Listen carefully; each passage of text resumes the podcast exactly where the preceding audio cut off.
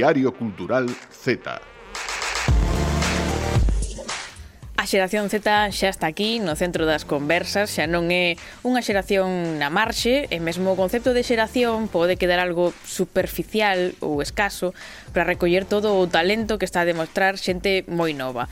Rapaces adolescentes da Costa da Morte triunfando en Berlín, nomes de poetas como Ismael Ramos cun premio nacional, a ilustradora Paula Chexai recollendo recoñecementos internacionais no Salón do Cómic de Barcelona, as fillas de Casandra reescribindo a historia da música, estamos participando do ritmo ritmos culturais, sociais e políticos máis que nunca. Agora si, sí, temos aquí o reto de eliminar deste programa a expresión de hai futuro porque hai presente, o futuro é xa dos que veñen detrás, deses que nuns anos nos estaremos aquí insultando por ser demasiado modernos.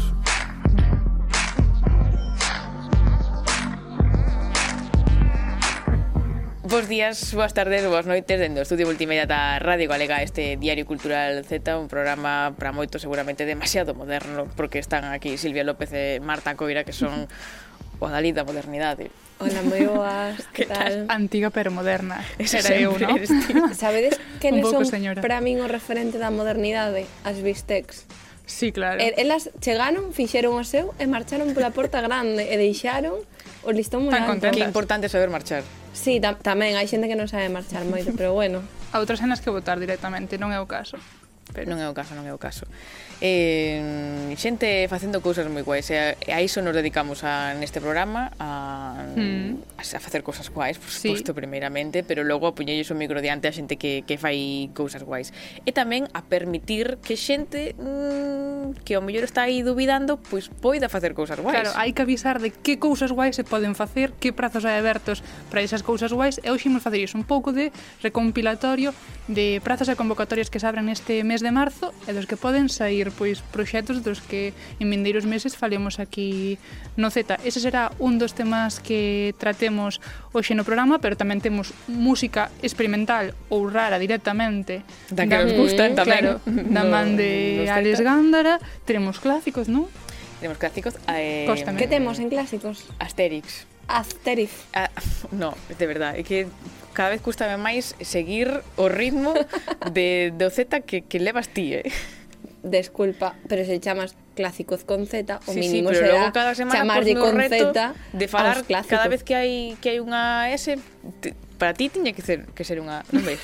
como Mm, Asteriz, eh, Asteriz. Asteriz, un clasicazo do, do cómic que non podía faltar. Eh, tamén imos escuitar a, a Ana Vaz esta semana que pois nos trae a unha persoa ben curiosa como é David Vila, que é diseñador de vestiario, E temos, mm, non sei se videoxogos xa non, nunca sei que chamar. Temos a mellor sección, sección deste programa Que é de Marta que cada semana é distinta A ver, bueno, eu vai haber polémica, para min sí que é un videoxogo, un videoxogo moi zeta, moi clásico tamén, que é o Tamagotchi, que non vos riades, porque está moi de moda últimamente, e, e vai nos traer moi bons recordos eh, mm, ou moi ou malos. traumas, claro, depende. Claro, depende, sí. Pois nada, esperemos que sexan todos vos recordos os que deixen este programa. Comezamos.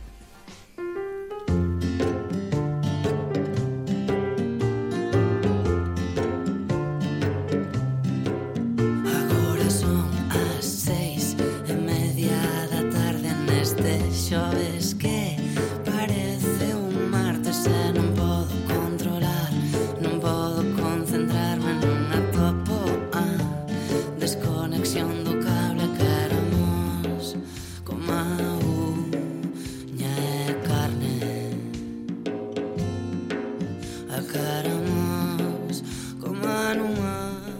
queremos desconexión mm, de canción, pero nos queremos todo o contrario. Uh -huh. En este mes de marzo mmm, que, que comezamos, o primeiro programa de marzo, quixemos facer eh, algo mm, distinto que recompilar cousas que no futuro pois mm, poden traer esas oportunidades non para para mm, xente que sabemos que hai moita con talento, pero que o mellor non se atreveu nunca aínda a a explotalo e curiosamente neste mes de marzo temos opcións uh -huh. para cinéfilos para literarios, para xente tamén do, do mundo da arte, hai xente, hai para todo. Si, nos arrancamos a páxina de febreiro do noso almanaque do Z e mm, encetámola de marzo poñémonos a anotar aí cousas das que estar pendentes.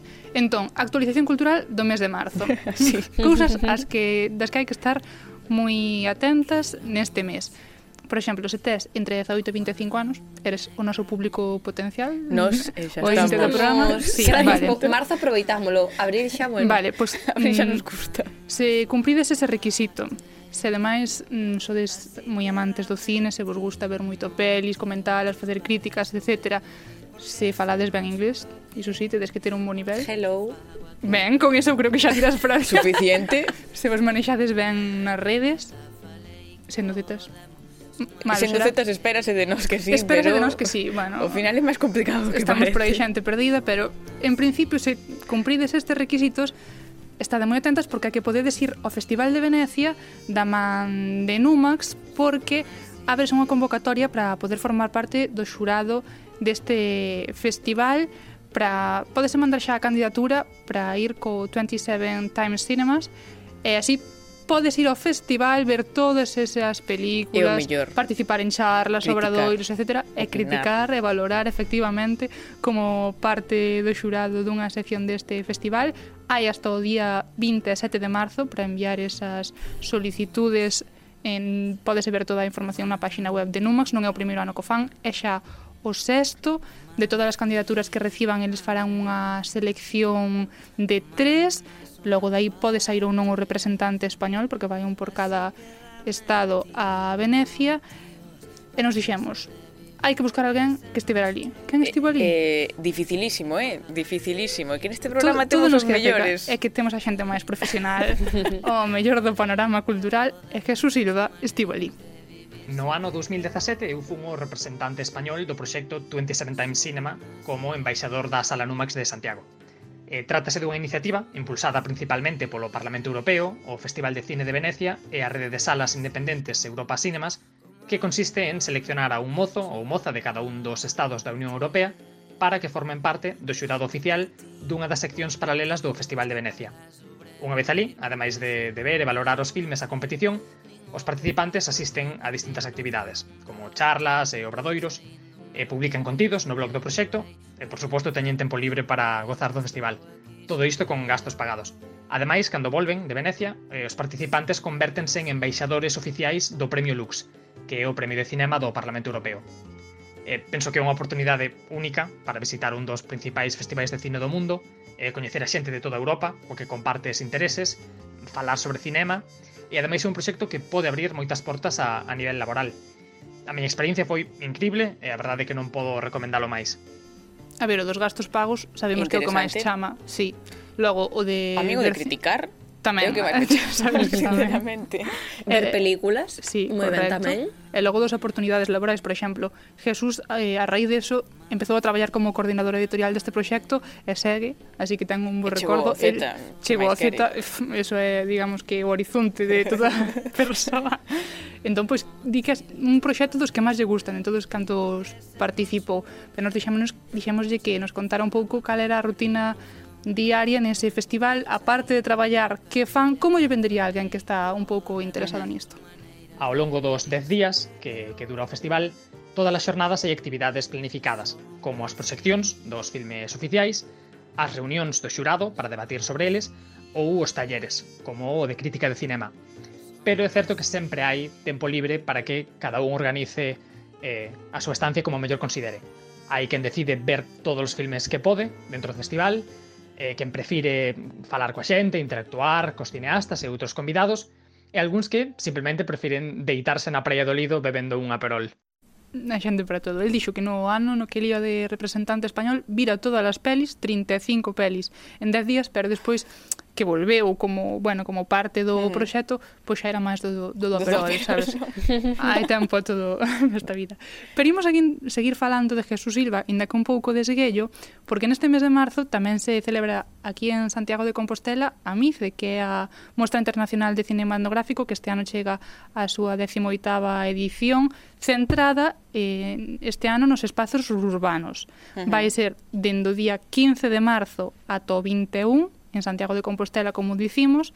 Eh, esta edición anúnciase cun cartel chulísimo que deseñou Coral Piñeiro e mencionámola a ela non só por iso, senón porque estará presente tamén, será unha das protas dun proxecto que se vai presentar o último día destas xornadas. O día 21 ás nove e media da noite vaise presentar no Museo do Povo a nova Asociación de Memoria e Cinema está formada por un colectivo de xente moza que se uniu pois, con esa intención de abordar a historia e a memoria a través do audiovisual, entón aí está pois ela, Coral Piñeiro, está tamén Laura Piñeiro, Fran Rodríguez Casal, Bruno Arias, etc. E con eles falará, por suposto, Jesús Silva en vindeiros programas, non ou iso nos prometeu. Tema, que xa sabemos o Así que... os exquisitos que se non, ponen os colaboradores. Pero anunciamos, iso sí, que habrá proxeccións que, bueno, que elaboraron, que crearon estas cineastas novas e como tamén é así unha cousiña feita con moito garimo, con moito mimo, non podía faltar a música, así que se ides polo Museo do Pobo ese 21 de marzo, ides poder coñecer mm, de que se trata, mm, que vai facer esta Asociación de Memoria Cinema, e de paso, pois, escoitar tamén a actuación de Su Garrido Pombo. Música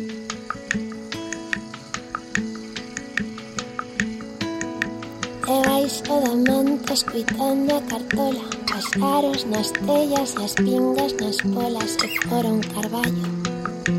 Rebento cemento.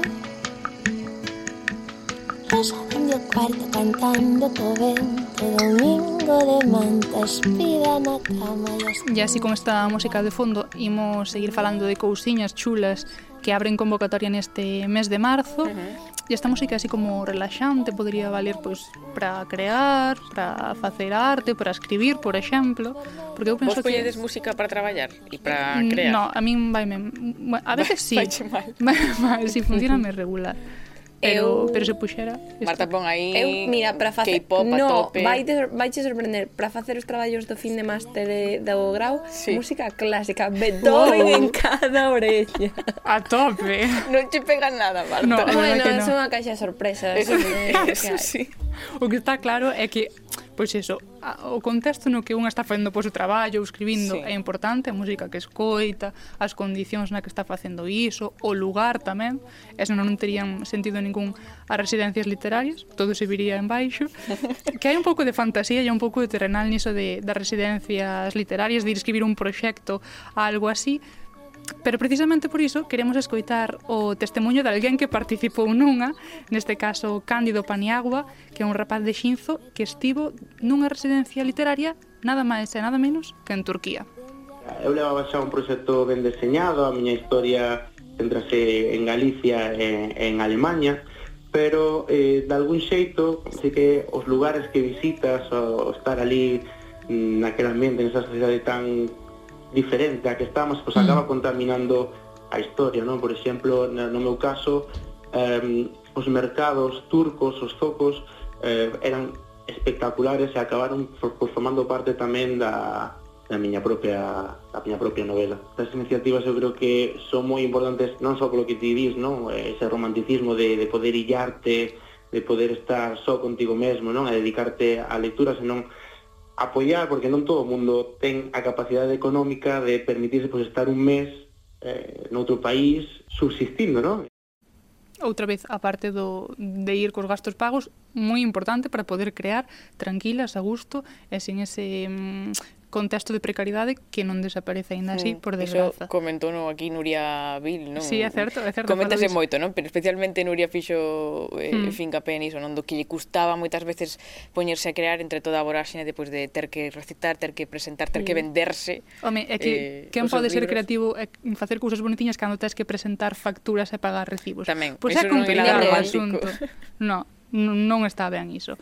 Cándido Paniagua participou nunha residencia literaria en Turquía E isto sérvenos un pouco de excusa para falar doutras residencias literarias que abren o prazo xusto agora no mes de marzo. Unha delas lévanos ata Xerusalén, que tamén queda un pouco Muy así... Un pouco desmau, así, en principio. En principio, sí. Porque o Concello de Santiago, en colaboración coa Residencia Literaria 1863, convocan agora a segunda edición do Premio Exeria para proxectos de creación literaria que ten un premio de 3.000 euros, non está mal. Non está mal, non sei como está a vida de cara en Xerusalén. Pero é que, aparte dos 3.000 euros, pois iso, mm, levante un mes enteiro A, ah, iso é aparte. Claro. Du durante o mes de agosto, claro, vale, claro, vale. claro. Pero gastos pagos a maiores, a... todo mm, vamos ler a letra pequena primeiro da convocatoria, vale. non vamos decir aquí cousas que eu que sei. vale, non estamos aí o suficiente. Emocionadas, claro. eu xa estaba pensando en escribir algo, eh. Mm, podes ler Anímate, a convocatoria mm, na web do Concello de Santiago está a ligazón, así que non hai problema. Pero iso, en principio, o premio 3.000 euros, ademais dunha estancia na residencia Almamal en Xerusalén durante o mes de agosto. Uh -huh. Este, mm, esta convocatoria está dirixida a persoas de máis de 18 anos, estades no grupo, pero tedes que estar empadroadas en Santiago de Compostela. Voume desapuntando, entonces. Ti fiel a Catoira. Efectivamente, as per... vamos facer unha interrupción pequeniña sí, para decir, as persoas do rural, os concellos do rural necesitan xente empadroada neles non me vou a cambiar nunca. Xa moi está. ben, moi ben ese gato. Moi ben, Marta, aí queda dito. Bueno, pero para a xente... De... Nin por 3.000 euros, nin por ir a nin por nada. Nada. para a xente de máis de 18 que sí que estea empadroada en Santiago e que teña así algún proxecto en mente, pois pues que sabe que pode presentar unha memoria deste proxecto sempre que sexa inédito antes do 29 de marzo uh -huh. e logo pois agardar que lle concedan esa bolsa. E senón, sempre está outro proxecto, outra residencia literaria máis próxima que queda aquí no Monte Gaiás, na Cidade da Cultura, pero oi, que está moi ben, é a terceira convocatoria desta residencia literaria da Cidade da Cultura. Ofrecen 10 prazas para autoras e autores noveles que pois que queiran perfeccionar proxectos de narrativa neste caso, no no outro caso para ir a Xerusalén pode ser de calquera xénero, neste só de narrativa. Eh, disfrutarase tamén dunha estancia no Gaiás co acompañamento ademais de Javier Peña, do escritor que dirixe esta residencia, este ano tamén das escritoras Marilar Alexandre e Brenda Navarro, que están convidadas nesta edición. A Marilar xa a coñecemos de sobra aquí en Galicia, e Brenda Navarro, non sei se vos soa porque é quen escribiu Ceniza en la boca, que é un libro que eu escoitei recomendar moito o, bueno, este último ano. Así que interesante. Neste caso, o prazo é ata o día 20 de marzo e a residencia pois celebrarase entre o 3 e o 15 de xullo. Así que tedes que deixar libres esas datas, iso sí. Mm. E se tedes proxectos, pois que agromen. E recordemos que estas cousas eh, funcionan e son un bon escaparate. Por exemplo, dai saiu o libro de Brais Lamela, sí. que tanto recomendamos aquí sí, sí, sí. no, no 2022. Así que, pois, non, non sei que estades esperando. Ti a outra de Xerusalén non, porque vives en Catoira, estás tensadísima en Catoira. Legalmente. Pero a, a outra... Pero a esta podes sí, presentar. Sí, sí, sí. Podemos presentar as tres. Pódense facer en equipo. Vamos ler outra vez Esto a convocatoria. De, profe, valen as parellas de tres? Sempre se preguntou. Lemos a convocatoria. Sempre se preguntou. Moi ben, pois pues, moi atentas estamos a todo o que acontecerá neste mes de marzo. Diario Cultural Z.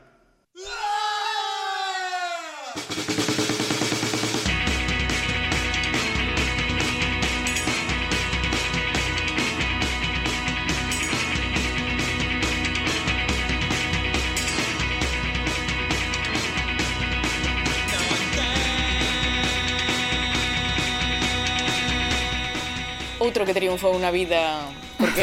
bueno, si, se diría tanto. Chegaches ao Digo, Z, porque estás no diario claro. Cultura Z. Ah, eso sí, eso sí, eso sí. Eso. Alex Gandara, que tal, como estás sí, esta semana? Moi ben, estou, estou moi relaxado, porque tuve que escoller entre café e postre, escollín un postre. Entonces, veño así pouco cafeinado. Eh, non se poden escoller nunca as dúas cousas. Podense, pero bueno, estaba fora do menú, entonces escollí Flan de ovo, e yogur natural. Pois pues, bueno, acabo de, de mentir un pouco porque o postre que escollín era unha crema de chocolate e café, o sea, caljo de café sí que tiña. Ah, bueno, porque aquí recomendamos os croissants, xa che contamos máis ah, portugueses, portugueses. portugueses. portugueses. Estupendo, xa sabedes que todo que veña de Portugal. Maravilla. Mientras non fala inglés. Que no, eso no, eso no, pero bueno, o croissant en teoría é francés, pero bueno, vamos vamos a perdonar.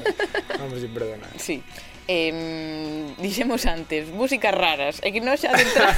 claro, bueno, así o vendemos. O que nos traes de entrada é raro. Ra raras ten unha connotación como... Para min no, no, pero no, bueno, no, así para o público ben. xeral ten unha connotación negativa, pero eu creo que son músicas... Bueno, non vou dicir outra esa palabra guai, porque xa se di 40 veces en todos os programas, pero, bueno, xente, xente nova que fai... Eh, cousas un pouco distintas que, que non ten medo de, de experimentar, de mesturar de probar cousas que ao final é un pouco a esencia da vida, non, non sei. Totalmente, toda a sí, razón. por que non, vamos a decir que sí. Eh, música rara. música rara, si resumindo, música rara. No. Eh, bueno, hai cousas máis raras, cousas menos, xa veredes. Eh, se queredes, eh, empezamos. Eu, a verdade é que, bueno, hai xente da que se cada non se fala moito eh, por aí, entonces eh, mola, non? Mola Eu creo que mola, eu creo que é o noso traballo. Está guai, está guai. Sí, sí. No índice de rareza, eh, o primeiro que nos traes... Ah, non sei, bueno, xa, xa, me, xa me dirás ti. Non, vou, non, non, non, vou, non vou facer un ranking, non vou facer un ranking. Bueno, despois, despois igual xa... Despois xa, facémoslo. Eu creo que vai quedar claro despois cal é o, o ranking, vale. no? Pero bueno... Eh, vamos a empezar eh, por Artur M. Puga ou Artur, non sei como, non sei como di o seu nome. Outro día na, na, no zigzag vin que dicían Artur. Entonces, Artur é máis galego, non? Vou me quedar con Artur, sí, sí. Non, sei, non sei o nome exactamente cal é. Eh, nada, Artur é un compositor produtor e, e diseñador sonoro que ahora mismo pues, está en plena efervescencia discográfica porque acaba de sacar dous proxectos. Eh, o primeiro do que do que imos falar eh, aínda non se publicou publicase o 17 de marzo pero xa hai un, un Ves pequeno... outra cousa que anotar aí no calendario. Moitas cousas pasan en marzo, de verdad. Sí, en marzo hai moitas cousas, sí, a verdade que sí. E, e nada, publica o 17 de marzo este Weird Bloom, que é como un florecemento extraño, así traducido... Sí, sí, a ver, non no, no, no digo eu, non digo eu, a verdade que sí. A verdade que sí, a verdade que xa o dio o propio nombre do, do, do EP, entendo que será un EP de cinco cancións, eh, publicado por unha pequena discográfica de Vigo que se chama Arquestra Discos, eh, da que tamén falaremos mm, despois porque teño dous proxectos hoxe desa, desa discográfica no? que, bueno, unha discográfica así pois un pouco tamén que aposta polo, polo experimental eu entendo que o nome é unha referencia á, á orquestra de, de Sunra que é un músico de jazz cósmico sí. dos anos 60, 70 que, bueno, xa pues, se te chamas así, xa se ve un pouco por onde vas, no? Vaste, vaste cara ao cósmico estas cousas, no? Artistas. Eh, entonces nada, bueno, se queredes escoitamos un pouco este este adianto do, do seu EP eh, este tema que se chama Isa que está así feito, bueno, un pouco con a base de loops, un rollo así minimalista, con, con moitas micro cousiñas que se van como unindo, no? eh, pero ao mesmo tempo de ser minimalista tamén é moi bailable, eh, é un rollo que, que está guai, a verdad. Por eso pues, decía, pues, o da mestura e todo eso. ¿no? Pois pues escuitamos como soa. Mm.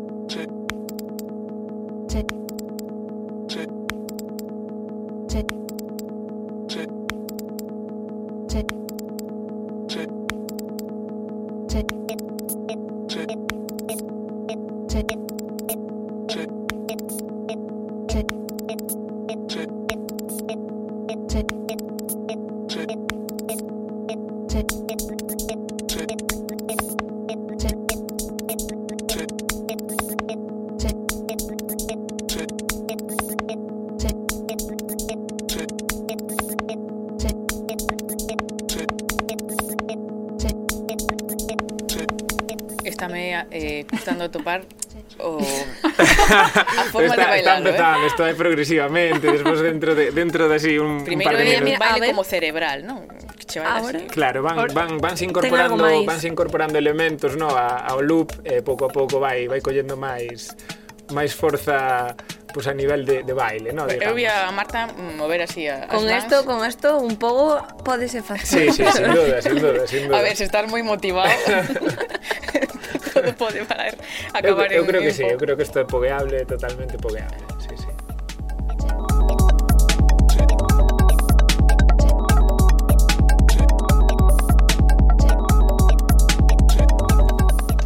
Hai que darlles tempo. Sí, sí, é que a ver, non, Que pode ser todo, isto non é, Eu son Lucía. isto non é un vídeo de TikTok, isto hai que darlle a súa Xa está, está insultando aquí E que xa sabes, a xeración Z dice que somos moi Claro. impacientes Pues, Queremos pues, todo aí Non pode ser. Hai que ter paciencia porque non queda outra. Hai que ter paciencia sempre.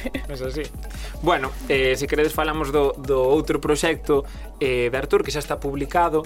Eh, é un disco homónimo eh, eh, máis ou menos podes dicir que xoja con, con elementos eh, parecidos este micro non sei como chamalo, estes microcortes, no, de, de mm, cousas, mm -hmm. eh, pero levados a un rollo menos bailable e máis pois ambiental, no? Eh, tamén o mestura con gongs e cousas así, entón casi é unha cousa como de meditación, no? Eh, Perfecto para sí, para, para de Xerusalén. Sí, sí, sí, sí. Aí pois pues, toma de notas que vos vayas presentar porque está un bo disco para pa levar pa aí. Thank you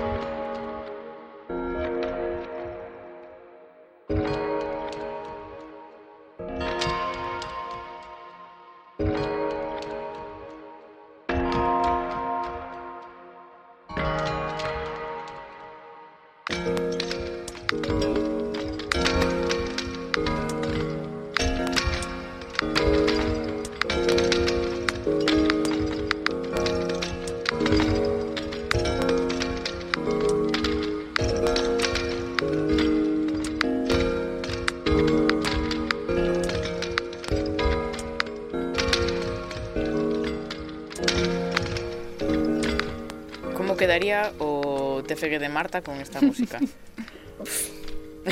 Insufrible, vamos. Non pola, non pola música, eh, senón Joder. pola motivación que a mí me daría para escribir máis e máis e máis. A mí ten un punto eclesiástica, eh? Sí, este ten, tema. Sí, sí que ten un rollo así espiritual, sí, ¿verdad? digamos, sí. espiritual. Non es eclesiástico, porque son outras referencias, sí. creo. Son máis ben templos, non, non iglesias, pero bueno, sí. iglesias tamén son templos, non?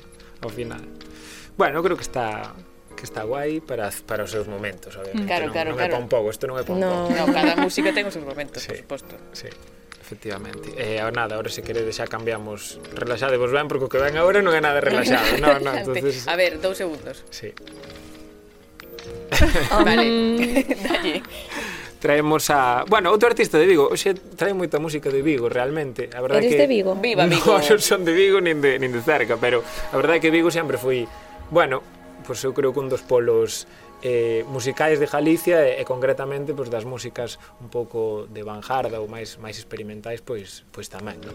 Eh, e bueno, sígueno demostrando con artistas como este eh, seguinte rapaz que se chama Preogán Xague eh, eso que é un artista de Vigo, creo que nació no 99 eh, está ahora mismo afincado en Suecia ele é, además de músico, eh, pintor e máis escultor e eh, o ano pasado eh, sacou eh, o seu Xague 1, que é o primeiro disco eh, dunha triloxía eh, que veremos nos seguintes anos, non sei exactamente cando, cando van salir os outros, no?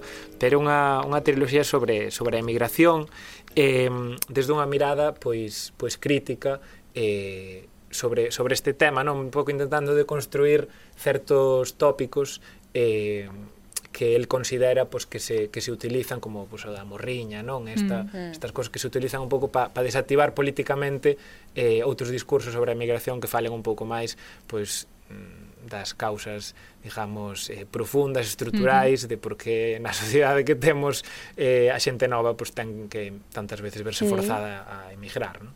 Eh, entón, bueno, ten frases así, bueno, isto é unha, unha mestura así bastante bastante bizarra por momentos, eh, hai hai poesía, hai rap, eh, todo así moi experimental, hai moito sampleo de, de, de moitas cousas diversas, non? uns paisaxes sonoros así bastante densos a veces, eh, frases demoledoras eh, como esta que imos escoitar en Escape from Madrid, que é a primeira, o primeiro tema do, do disco, eh, que di o meu acento non é un puntazo, non quero que me digas catro palabras de merda que aprendeches en Ortigueira intentando ligar.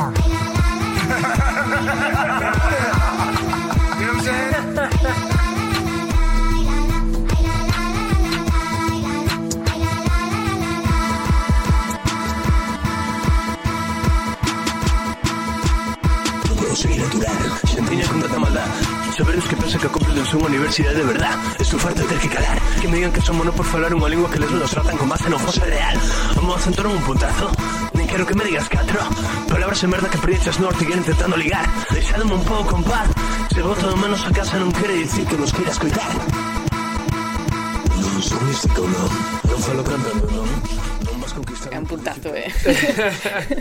Podemos ir, hai, hai que ir apuntando. Sí, sí, sí, hai que, hai que ir apuntando porque además aquí despois desto de vañen dous discos máis que, que prometen eh, prometen densidade tanto na, na lírica como na, como na música, no? Uh -huh. el, el toma, bueno, creo que as referencias eh, aquí un pouco, se, se miramos a, a Galicia, pues, podrían ser xente como Emilio José ou, ou como o Heavy, no? que, que son, bueno, dous bueno, artistazos tremendos que temos unha sorte enorme de ter, no? El tamén cita, por exemplo, nun dos temas a JPEG Mafia, que ahora mismo é un dos rapeiros experimentais mm, así a nivel internacional con máis con máis recoñecemento, no? Que tamén pues, se caracteriza por un estilo así un pouco parecido a este de, de bases densas e, e tamén un certo contido político no? nas, nas letras e bueno, aparte das letras pois pues, están estes, estas paisaxes sonoras que, que por momentos mm, hasta me parecen super bonitas eh, como no caso deste seguinte tema que vos quero poñer que se eh. chama mm. Flores de Imende eh, bueno, Imende, non sei se, se o sabedes é unha parroquia de Carballo que é un dos sitios unha das mecas da música tradicional no? ali recolliuse moita moita música tradicional entonces bueno, aquí tamén el usa cousas eh, entendo que de recollidas de Imende eh, mesturadas pois, con toda esta, esta amalgama no? que, que el fai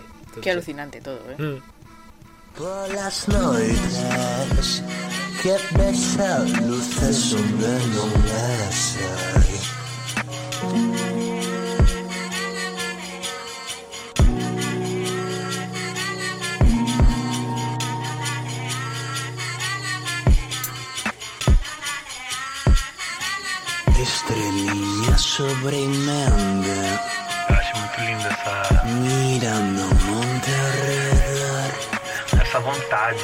Meu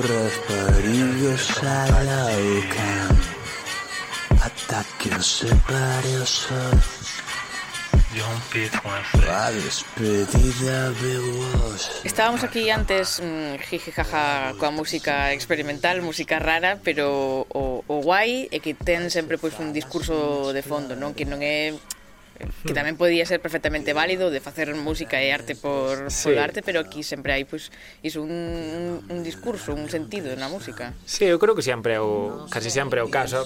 Sí que é verdad que moitas veces eh, desde o público xeral vemos a, a música experimental das veces como algo en plan, bueno, pretencioso, no, mm. ou, ou algo como cultureta eh, e tal, pero aparte do do propio mérito artístico que que poda ter en sí, eh, eu creo que é super importante porque están como empuxando un poquinho máis fronteiras do que se pode facer e do que non e, e eso despois acaba tamén filtrándose non as músicas máis populares e tal eles son como a, a música de vanguarda, digamos que é como na Fórmula 1, no? que, que fan, fan as cousas, no? e proban as cousas e tal, e algunhas das cousas despois usanse para os coches de calle. No? Pues, pues é un pouco así, no? o mesmo rollo. Creo que, eu creo que non hai que subestimar estas, estas músicas. Non, non. E ainda nos quedan moitas músicas raras. Sí, agora vamos con algo máis amable. Isto xa era máis amable. Sí, sí, bueno, sí, eu creo que sí. Pero xa estamos, xa estamos hai afeitas Hai que ter un justo, non sei como se di, un justo así máis adquirido, máis entrenado. Pero... Hai que exquisito, eh? Eh, nada, o seguinte proxecto eh, tamén é de, de Orquestra Discos eh, un rapaz que se chama César do Pico eh, co sobrenome Eon Dream que é como o seu, o seu sobrenome como produtor eh, ele é mm, a parte de, de produtor tamén é MC ou, bueno, rapero, ten, uh -huh. ten como un, un sobrenome tamén como, como rapero, que a verdade que non, non o coñecía, eh, pero, bueno, interesoume moito este, este proxecto porque me parece que, que sona brutal, é, é unha electrónica tamén de baile, eh, pero bueno, cunhas atmósferas así como moi moi coloridas, moi moi xojetonas, moi bueno, é un é un rollo que está que está moi guai, un bueno, entra entra moi ben, é un proxecto que entra moi ben. Chámase Miss de Memo, é un EP de tres temas e e bueno, vamos a escoitar o, o tema homónimo, se vos parece. Thank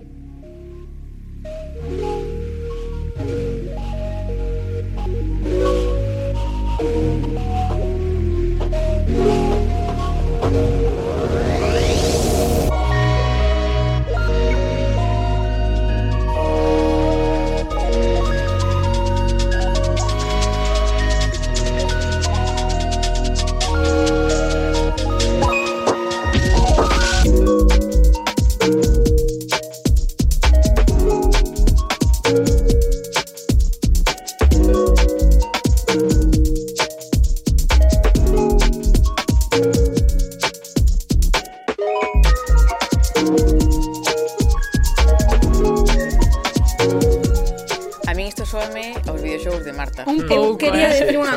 videoxogos. Sí. Que ademais de, xon, de sonar a videoxogos, a min recórdame moito esta corrente do hiperpop que hai ah, agora, sí. que é moi moi este estilo, a verdade, sí. está moi chulo. Sí, pode ser así este rollo así como denso, ¿no? Mm. Eh, hmm. tal, está guai, sí. É como un pouco chill e un pouquiño animado ao mesmo tempo, non? Ten, ten como as dúas cousas. Minimalista. Sí, bueno, Chill e animado.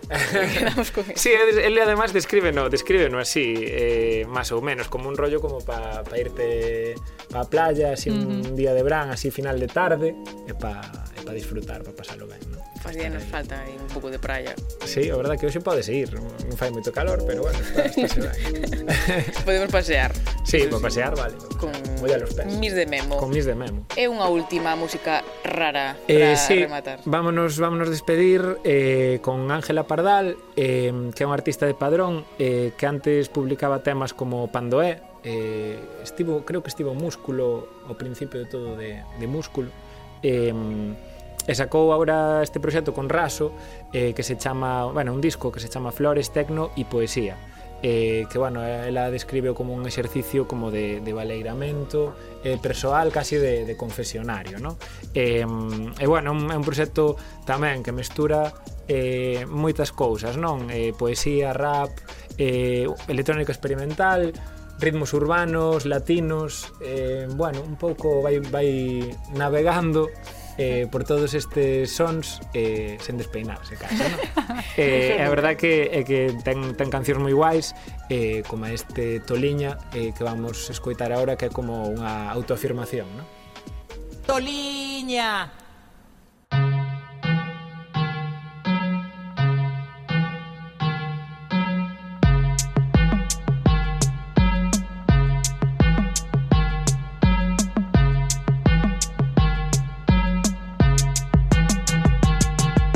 Tola por esta voz, tola por esta cara, tola por esta mente que non para, que non para, toliña por esta pel dura como unha roca.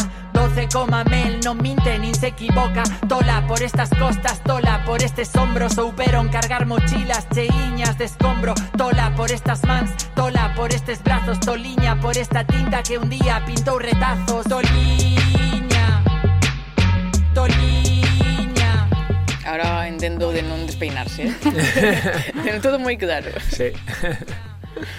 Pois Ángela Pardal. Ángela mm, Pardal. Toliña, mm, Orgullosa, orgullosamente Toliña. Orgullosamente Toliña. Eh, agora facemos o... O ranking. A ver, a ver, a ver, decídeme vos, decídeme vos. Vamos a ver, a ese que mollar. Hai que mollar, Silvia. O eclesiástico. Mm, o eclesiástico estaba bastante arriba no, no top, no top sí, a verdade que sí. Pero o top é de, de arriba de todo os máis raros, non? Sí. Vale. Uf, Pois o eclesiástico, a verdade que sí, eh. Marcou sí, sí, sí. o eclesiástico. Sí, sí, sí, sí. O eclesiástico que eh, e as o flores, Artur, as eh, flores de Imende tamén tamén estaría top 2, eh. Sí, para min, para min é Breogán. Raros, raros, pero cada día menos raros esperemos, esperemos. Isto, isto dentro de 10 anos vai ser como é mainstream. o mainstream, claro, o máis raro, pues, imagina dentro de 10 anos como será claro. cousas rara. Tocar unha panderita Nos en 50 rarísimo. anos, a música boa era da nosa época, Ahí estamos. Flores claro. de Mende, non sei que, tío que escoitas agora non sirve para nada. Non nos convirtamos niso, porfa. no, xa estamos camiño, eh? Sí, un pouco. gracias, Alex. Nada, gracias a vos. Diario Cultural Z. Cumbia.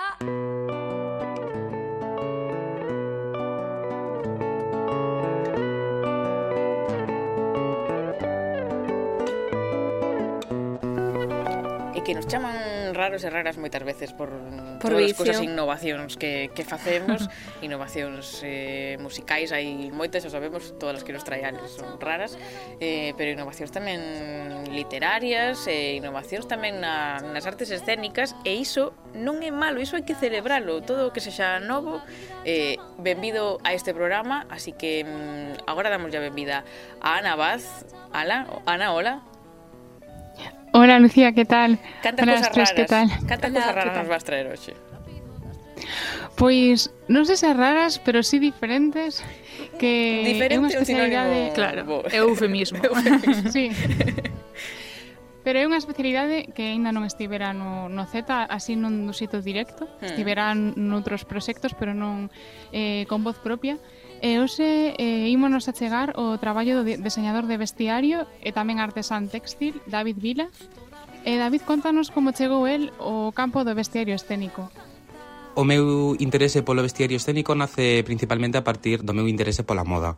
Xa dende pequeno eu pasaba tardes rodeado de modistas e de costureiras e iso despertou en mí un sentimento de necesidade. Eu o que necesitaba era saber como conseguían facer todo aquilo que facían. E sempre lembro con gracia un momento no que unha desas modistas estaba a coller un baixo cunha costura invisible. Eu flipaba porque non entendía como era que podía pasar o fío e que non se vira por outro lado. Eu, eu simplemente flipaba e sempre lembro con gracia iso. E bueno, unha vez asentada en min esta necesidade de, de coñecer, chegou a adolescencia e con ela pois o meu interese artístico e tamén unha rebeldía de, de non gustarme nada do que me rodeaba, de querer destacar e ser diferente, non? E bueno, isto levado a roupa facíame pensar en por que eu non podía facer prendas que me gustasen e, E entón chegou o momento de, de decidir o meu futuro, non? Cando acabas bacharelato e se abre un mundo de posibilidades ante ti, e simplemente o que fixen foi atar cabos. Eu, eu o que quero é estudar deseño de moda porque quero, quero aprender a facer esas costuras invisibles que, que tanto me fascinaban e quero tamén ser artista, expresarme artísticamente.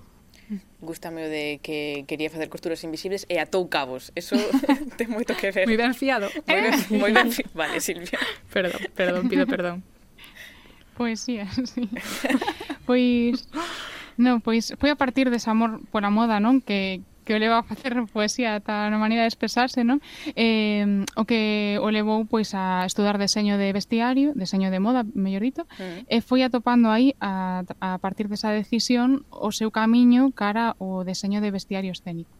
E bueno, despois unha vez na carreira dime de conta de que, de que o lugar eh, dentro do deseño de indumentaria que estaba reservado para, para a expresión artística era moi pequeno. E como esa inquedanza en min era imparable, era potente, eu quería expresarme, eh, decidín escoller o camiño que, que máis axeitaba o que eu quería era definitivamente vestiario escénico.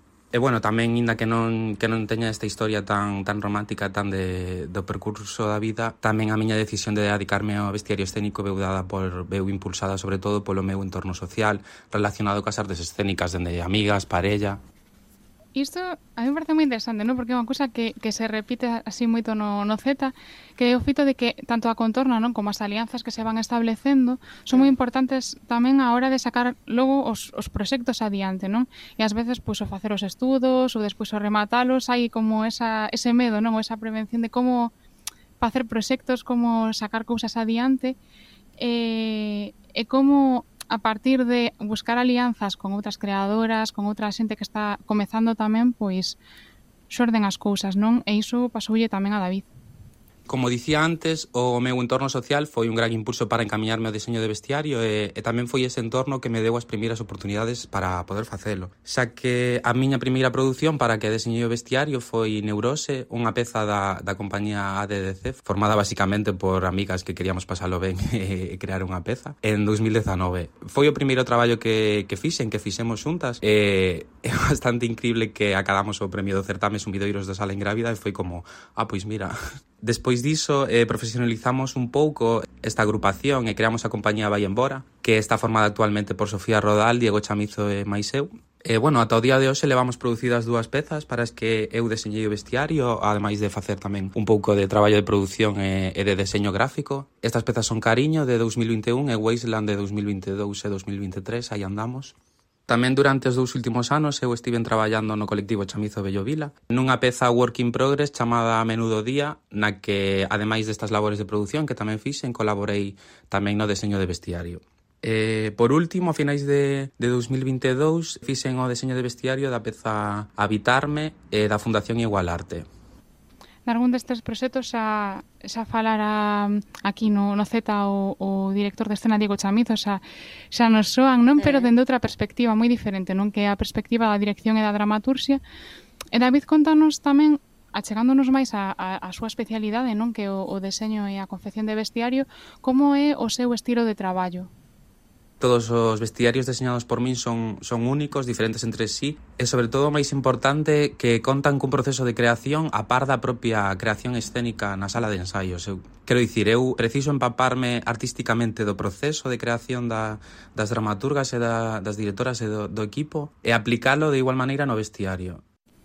Eh, falando con David por isto que nos conta, non? é por, pola súa maneira de falar e tamén porque el fai moito fincapé nisto, non? O que está claro, creo que se desprende das súas palabras é que o seu estilo de traballo, a maneira que ten de traballar, non? Eh, ben cimentado todo por nesa gran paixón, non? Que el ten polo que fai e sobre todo por unha paixón enorme pola moda como vía de expresión, que tamén algo moi importante que tamén falabades antes non da, da, mm. da expresión, non? E da vía de expresión que pode ter as artes eu, eu poderei sair da moda, pero a moda non poderá sair nunca de min. E isto é tan así que as miñas principais fontes de inspiración pois son as pasarelas, é así. E, é xa por costume porque pois as cookies configuradas durante anos e anos no meu móvil e os algoritmos das redes saben mostrarme precisamente o artículo co último escote rompedor, un reel sobre o longo de falda que se leva esta temporada ou eu que sei a fotografía do último bolso de tal marca. Eh, eu realmente non podo nin quero que, que iso desapareza e que e que isto é o que eu son é o que me distingue como creador, non? E estou empapado de referentes artísticos do, do mundo da moda dos que agora mesmo podería destacar, pois, por exemplo, Raf Simons ou Martin Margiela. Eh, porén, tamén, tamén son quen son agora mesmo por ir prácticamente todas as fins de semana ás salas de teatro. E, e isto queiras ou non queiras, que quero, non? Pero é, é unha villa constante de inspiración para, para o meu propio traballo. E por último tamén, como terceiro pilar das bases que, que poden inspirar os, os meus traballos, os meus deseños, está tamén a política e a actualidade que, mm, me costa moito facer eh, oídos sordos ao que me rodea e realmente gosto moito de, de falar de falar desto. E a miña forma de, de falar, de falar destes temas da, da política da actualidade é mediante o vestiario porque é o que sei facer. Sí, fala da moda da indumentaria non, com, non como só algo estético, non, senón como algo político que ten unha capacidade non de, de expresar e de mesmo cambiar o, o mm. mundo, non? Eh, e quise preguntarlle a él como como vía non o campo do vestiario escénico dentro do sector das artes escénicas en Galicia para os novos creadores e creadoras e como está ela a procurar o seu lugar. O que eu quero é poder adicarme ás artes escénicas a tempo completo. E penso que o terreo en Galicia xa está arado e eu estou a sementar. Non sei se as miñas sementes que eh, sermolarán ou non, pero outo por pensar que sí, porque hai que ser optimista, non? Pouco a pouco o sector está a abrir camiños para xente nova con novas linguaxes e novos procesos e eu definitivamente vou estar aí petando na porta. A maneira que teño eu de ver o, o campo do deseño de vestiario en Galicia é a de adaptarme a un morrer, non? Quero dicir, hai mercado e, e sei que xa hai profesionais que cubren as necesidades, pero eu, eu o que fago é tentar buscar o meu, o meu oco, ofrecendo solucións pois desde un punto de vista de creación e sobre todo de, de participación do vestiario dentro do proceso dunha, dunha obra total. El destaca moito isto, non? A importancia que ten a concepción global da creación e tamén a posta en valor do papel do, do deseño de, de vestiario escénico como un elemento dramatúrxico que ten un gran poder innovador eu non quero ter unha reunión coa directora nas últimas semanas de produción, presentar un mood board e entregar o vestiario e xa está. Eu, eu o que quero realmente é ter unha, unha reunión coa directora, coa dramaturga, coa equipa completa, quero, quero asistir aos primeiros ensaios, quero crear unha propia dramaturxia do vestiario, quero facer probas, que, facer cambios e, en definitiva, participar globalmente do proceso de creación. É o que, o que máis me, me gusta do, do meu traballo. De feito, esta maneira de traballar levei na, levei na extremo co, con Wasteland, onde eu mesmo creei unha dramaturxia a partir do, do vestiario que eu deseñei e foi esa dramaturxia que serviu posteriormente para que Diego Chamizo e Sofía Rodal fixesen a, a dramaturxia e a coreografía completa do que sería a peza final. E que foi tal o traballo de investigación e de identidade do vestiario que esta peza naceu a partir del. E iso é, penso que é rompedor e que é algo que, que aporta ao panorama actual das das artes escénicas. Pois é unha maravilla coñecer a xente como David que ten as cousas moi claras, eh? Sí. Iso mm-hmm. non sempre é sinxelo atopalo, pero ten o seu proxecto ben, ben claro e eh, eh, ali que vai a, a por el, por suposto, ten moito talento, así que Mm, aquí dentro Z estaremos moi moi atentas a esa estrella de, de Wasteland, de Vai Embora, tamén a todos os proxectos de, de David Vila que podemos seguir en, na súa web, en comosoa.com, no seu perfil de Instagram, en David Comosoa, e, e ademais de todos estes deseños de, mm, de vestiario escénico, pois tamén unha liña de moda, Comosoa, mm -hmm. eh, todo como soa. Como soa. Ese é a clave, como soa. E tamén, por suposto, poñernos en contacto con el, que está dese, desexoso de traballar e hai que dar oportunidades, Ana. Pois sí.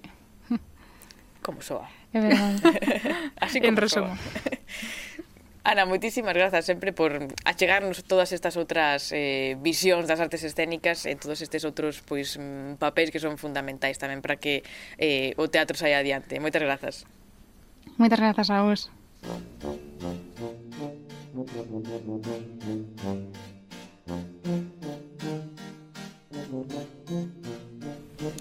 A mí tamén me gustaría ter as cousas tan claras como toda esta xente. Eh? Eu Porque... cada día que, que fala aquí a xente, eu cada día digo, madre mía... Marchas peor para sí, casa. Sí, digo, que estou facendo ca miña vida? Ou motivada. É dicir, No, eu contenta pola xente, pero o que ven sendo unha mesma... Non, a mesma nos tamén estamos triunfando, Silvia. Pero decía o de ter as cousas claras porque cada vez que teño que decir o título desta sección teño menos claro. Por que? Porque ao principio estaba foi moi, eh? ao principio estaba eu moi ilusionada. Dixen, que gran idea, que brillante, isto vai facer época, E... A Lucía do presente mm, non aproba 24 a programas despois teño que dicir Asterix e xa dixo, uff, como soa iso A ver, pero estás un pouco cansa, isto como cando vas á peluquería e dis, síndome innovadora, teño a idea millonaria, vou facer un peinado e máis máis tarde dis, bueno, non me non queda un pouco, claro, queda un pouco mal. Eh, o que si sí me motiva moito é falar de cómic.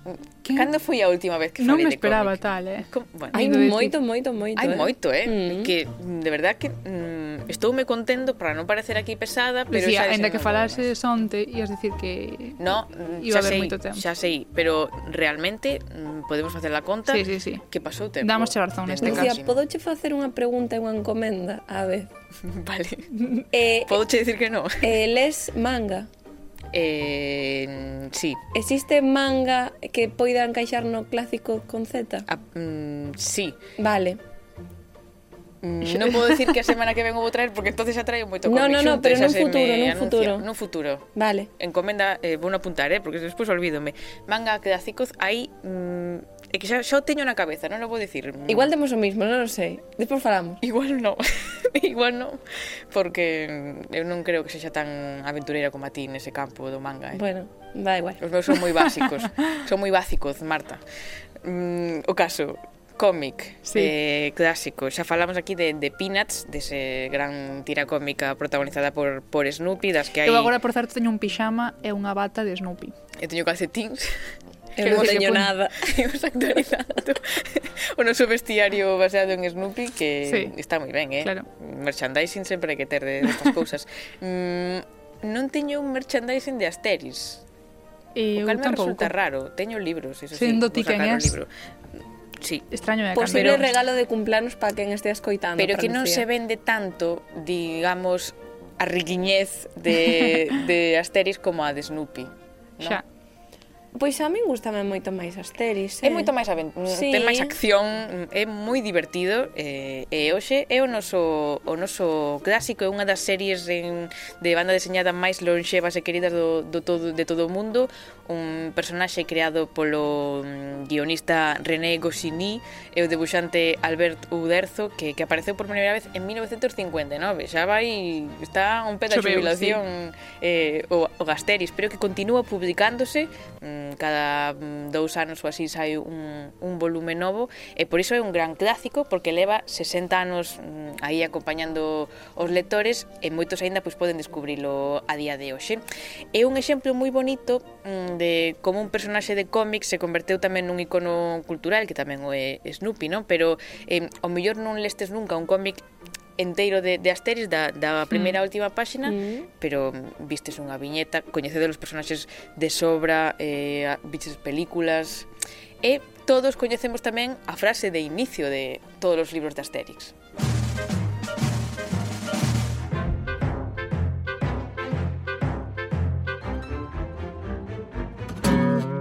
Estamos no ano 50 antes de Cristo.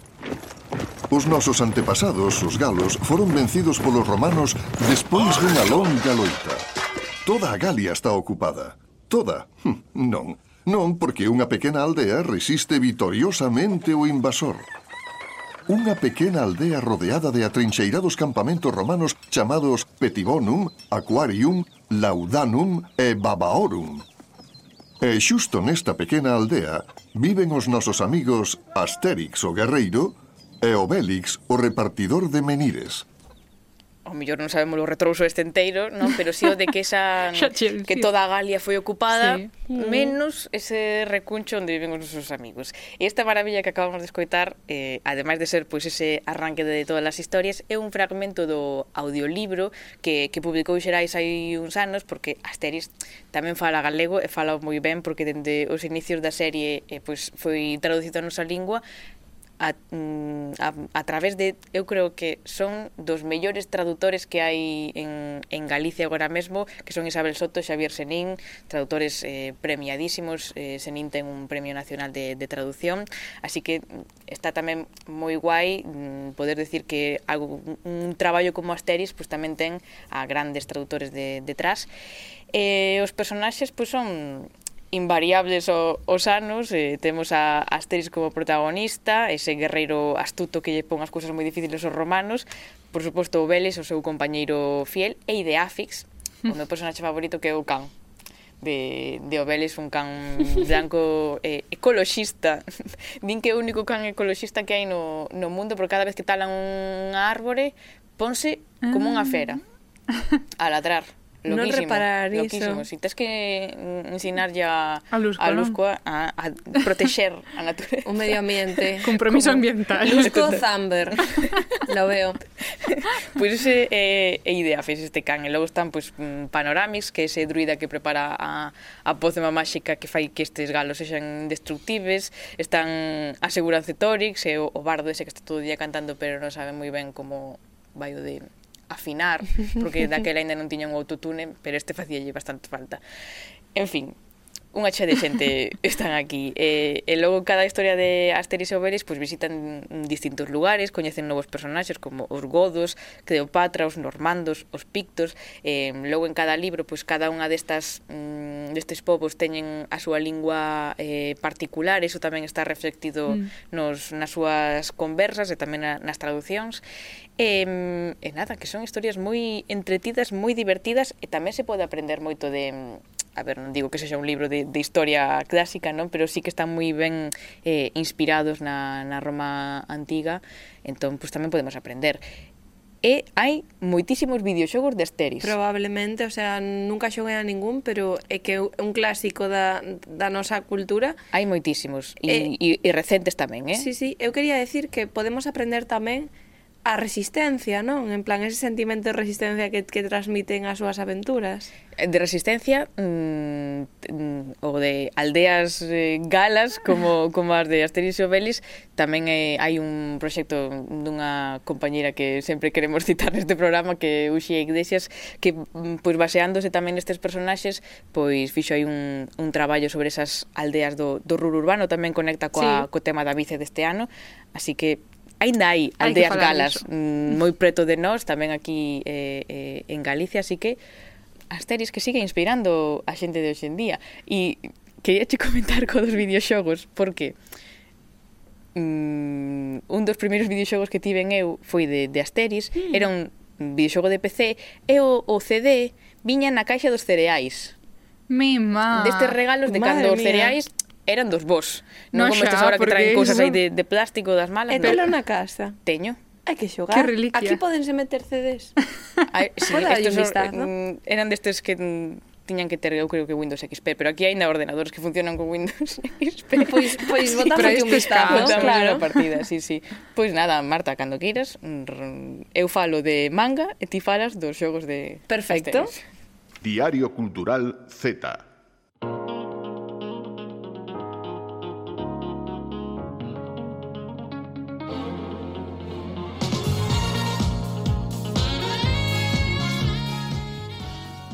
clásico tamén, eh? Un clásico, un tamago Sí, no, no, no, hai, non hai xeito. Non queres meter zetas onde non hai posibilidade, bueno, Marta. É verdad, tedes razón, hai que saber parar tamén. Pero estou moi emocionada ca sección de, de hoxe, eh? Eu non.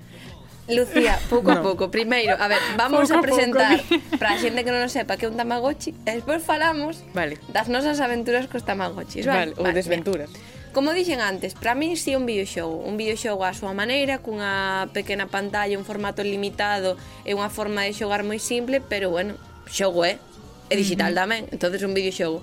Para que non o saiba, o Tamagotchi é como un pou a antigua usanza, ese pou que os cativos teñen no móvil para darlle alimentar, hmm. para darlle comer, para facer deporte con eles. Bueno, pois era un isto, pero metido nun xoguete ovalado, moi cativo, cunha pantalla máis cativa aínda. Era como con forma claro. de ovo, que? Sí, sí, sí, sí e dentro... Así, porque nacía dun ovo. Ah, pois sí, eu ah. creo que sí, porque arriba de todo tiña sí, como as curas dun ovo roto, sabes? Sí, sí, sí, sí, como sí. esa cáscara. E bueno, iso, é como ter un bebé, pero en digital. E por que imos falar deles? Ainda que Lucía non queira. Pois porque unha cadea de supermercados, unha gran cadea de supermercados, estuvo facendo un sorteo nunha rede social e o sorteo arrasou, porque a xente está nostálxica, a xente quere tamagotchis. Pero a xente da nosa idade ou, um, ou xente digamos, ou a xente para que está enfocado o tamagotchi, que son os, os máis pequenos? No, eu creo que a xente que utiliza as redes sociais terá a nosa idade, non? Digo eu, quero dicir, 10, 12 anos, no van a O que está ter. facendo a nostalgia, claro, sí, eso vale para moitos claro. estudos, eh? para ben e para mal. E ademais da nostalgia, porque estamos a falar do Tamagotchi? Porque un xogo Super Z ten 26 anos, o sea, ten casi a nosa idade. E está Pokémon, está o Tamagotchi detrás. amigas, eu non sei como vedes, vamos a proceder a falar das alegrías ou dous traumas. Silvia, si tes algunha alegría co Tamagotchi? Eu recordo o Tamagotchi como un furor no, no patio do cole, no autobús, cara ao Pero cole. Pero levábelo ao cole. Eu claro, non, tamén. No patio... Pero como si non podías levar esas cousas, eh? Bueno, Estaba si eso limbo de lei. Eso claro, era dispositivo móvil. Dicía algo o regulamento acerca do Tamagotchi? Probablemente non, pois, por tanto... non, pero é como levar o móvil, non? De que era? Non había no. tal, o Tamagotchi, pois era un mundo aparte. Iso estaba nos patios dos mm. coles seguido, eh? Días, e conectabas, día conectabas te cas amigas, porque había unha función para entrar no Tamagotchi dentro do outro, non? Eu non me acordo sí, diso. É verdade, sí, sí, sí, sí para socializar. Claro, para xogar xuntos a, a pelota. Sí, é verdade. Eu, o sea, a imaxe que teño é todo o mundo mirando un mesmo Tamagotchi, sabes? Sí, Unha persoa que o levaba e todos mirando así, pois, pues, por rima do... A primeira persona que creou moda en Castro claro. Verde. mm, quedou, queda alguén da nosa xeración por xa non che digo mm, ter, ter un on, porque ao mellor non cho mercaban, mm. eso dependía de ti, pero por, por, por tocar, por experimentar o que é ter un Tamagotchi, eu creo que non. Eu creo que non, eu estuve preguntando na redacción esta mañán a xente de Z, Poucai. e todos tiñan varios, porque Lucía, aquí vamos a entrar en traumas. Claro. A ver. Varios dispositivos e varios tamagotchis, vari, de cariño a varios bebés, porque morrían todo o rato. Había que atendelos día sí, día tamén, hora tras hora. Benvida a terapia, tras... Lucía, contanos o teu caso. Vos queredes que, que vos sí, sí. o meu... Vale, pero isto ten que ver mm, coa forma do Tamagotchi e ten que ver tamén con que eu mm, non o souben entender. a ver. eh, eu tive un Tamagotchi e un mm. miña unha curma miña tiña un Tamagotchi, entón dixen a miña nai, eu quero un Tamagotchi, regalaronme mm. un Nadal un Tamagotchi, pero todo perfectamente. Eh, maravilloso. Mm. Pasa que eu entereime a posteriori de que o Tamagotchi tiña un modo nocturno. Que ti poñías o Tamagotchi a dormir. Entón, mentras ti dormías, o Tamagotchi dormía e non che tocabas narices. Problema, eu non o sabía. Entón, eu estaba plácidamente durmindo e ás dúas da mañá o Tamagotchi poñas a chorar que tiña fame. Entón, Quero ser unha persoa responsable. Unha nai primeiriza levantábame para darle de comer o Tamagotchi. Como se fose un bebé de verdad, por dúas da mañá. No, ás 4 da mañá, outra vez o Tamagotchi chorando. Que, eh, a saber que lle pasaba, o mellor quería xo, eu que sei que lle pasaba. Entón, Lucía, eu estive moi boa un xogando. Mes, eu estive un mes sen dormir, miña nai quitou o tamagotchi, Normal, tirou uno eh? o lixo e dixo, non entra un tamagotchi nunca máis nesta casa. E non que volveches a, a, a tocar un tamagotchi Non volvín tocar un tamagotchi. E bueno. agora cada vez que sai o tema, eu sí que está o revival este, pero Non o no queres verdiante. Pois deberías de volver a tocar un Tamagotchi. Claro, porque... pero logo entereime de que había modo nocturno.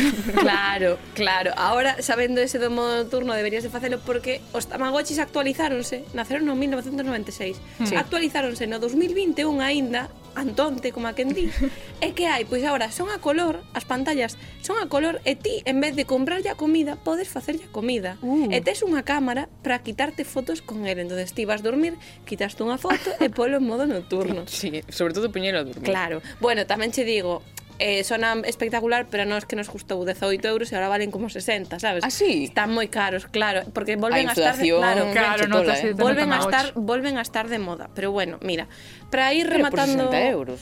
Sí, é que un... no, telo no móvil tamén. Aí xo viña, mira, para ir 60 enlazando. euros para o móvil. No, no, no. Ah. Que os tamagotchis a par que que existía o dispositivo tiveron unha serie de debuxos, dúas películas e para Game Boy para Nintendo DS, para Nintendo 64, para Wii e ora no móvil. Eu descarguei ah, esta mañá, estuve un rato xogando ao Tamagotchi na redacción para comprobar como era. Claro, era parte do traballo. Totalmente gratuito aquí e igual que, que sempre. É como un pou, pero ben, aquí nada de mai gato tom e, isto, todas as cousas que podes Tamagotchi forever. Sí, probo, probo. Bueno, está, está descargando, xa, claro. que... E nada, mira, para rematar a sección, eu tiña varias cancións porque o Tamagotchi dicimos que é o xoguete por excelencia Z e os Zetas agora facemos cousas como demostramos aquí todas as semanas. E hai quen, quen, quen presenta un programa de radio e hai quen fai música. E como fan esas cancións? Pois inspirándose neste magnífico xoguete como é o caso das Cariño. Música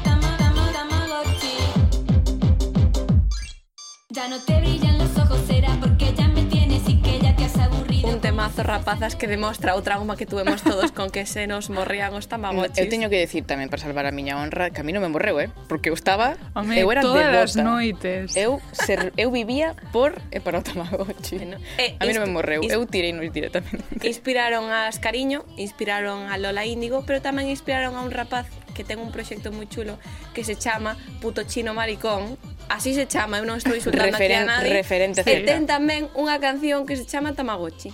Thank you.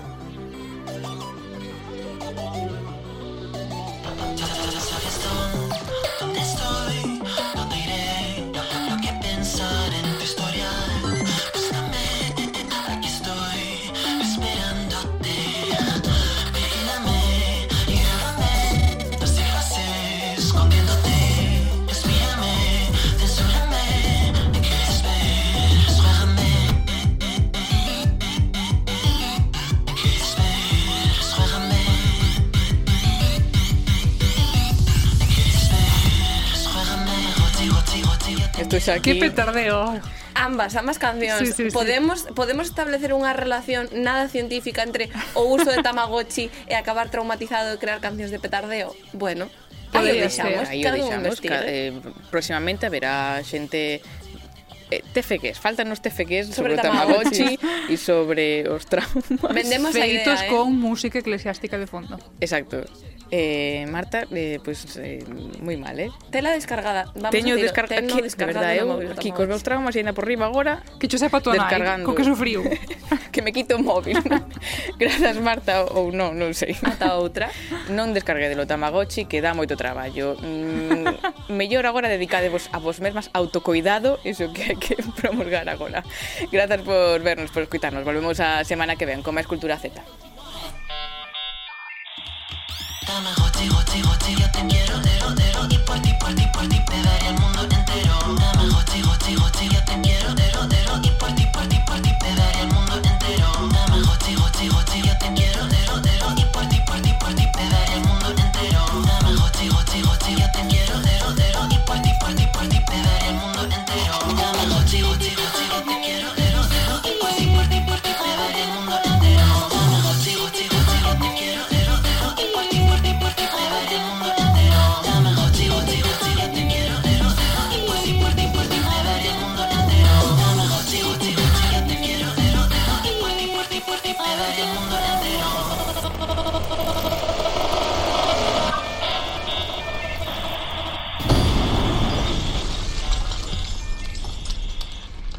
Diario Cultural Z.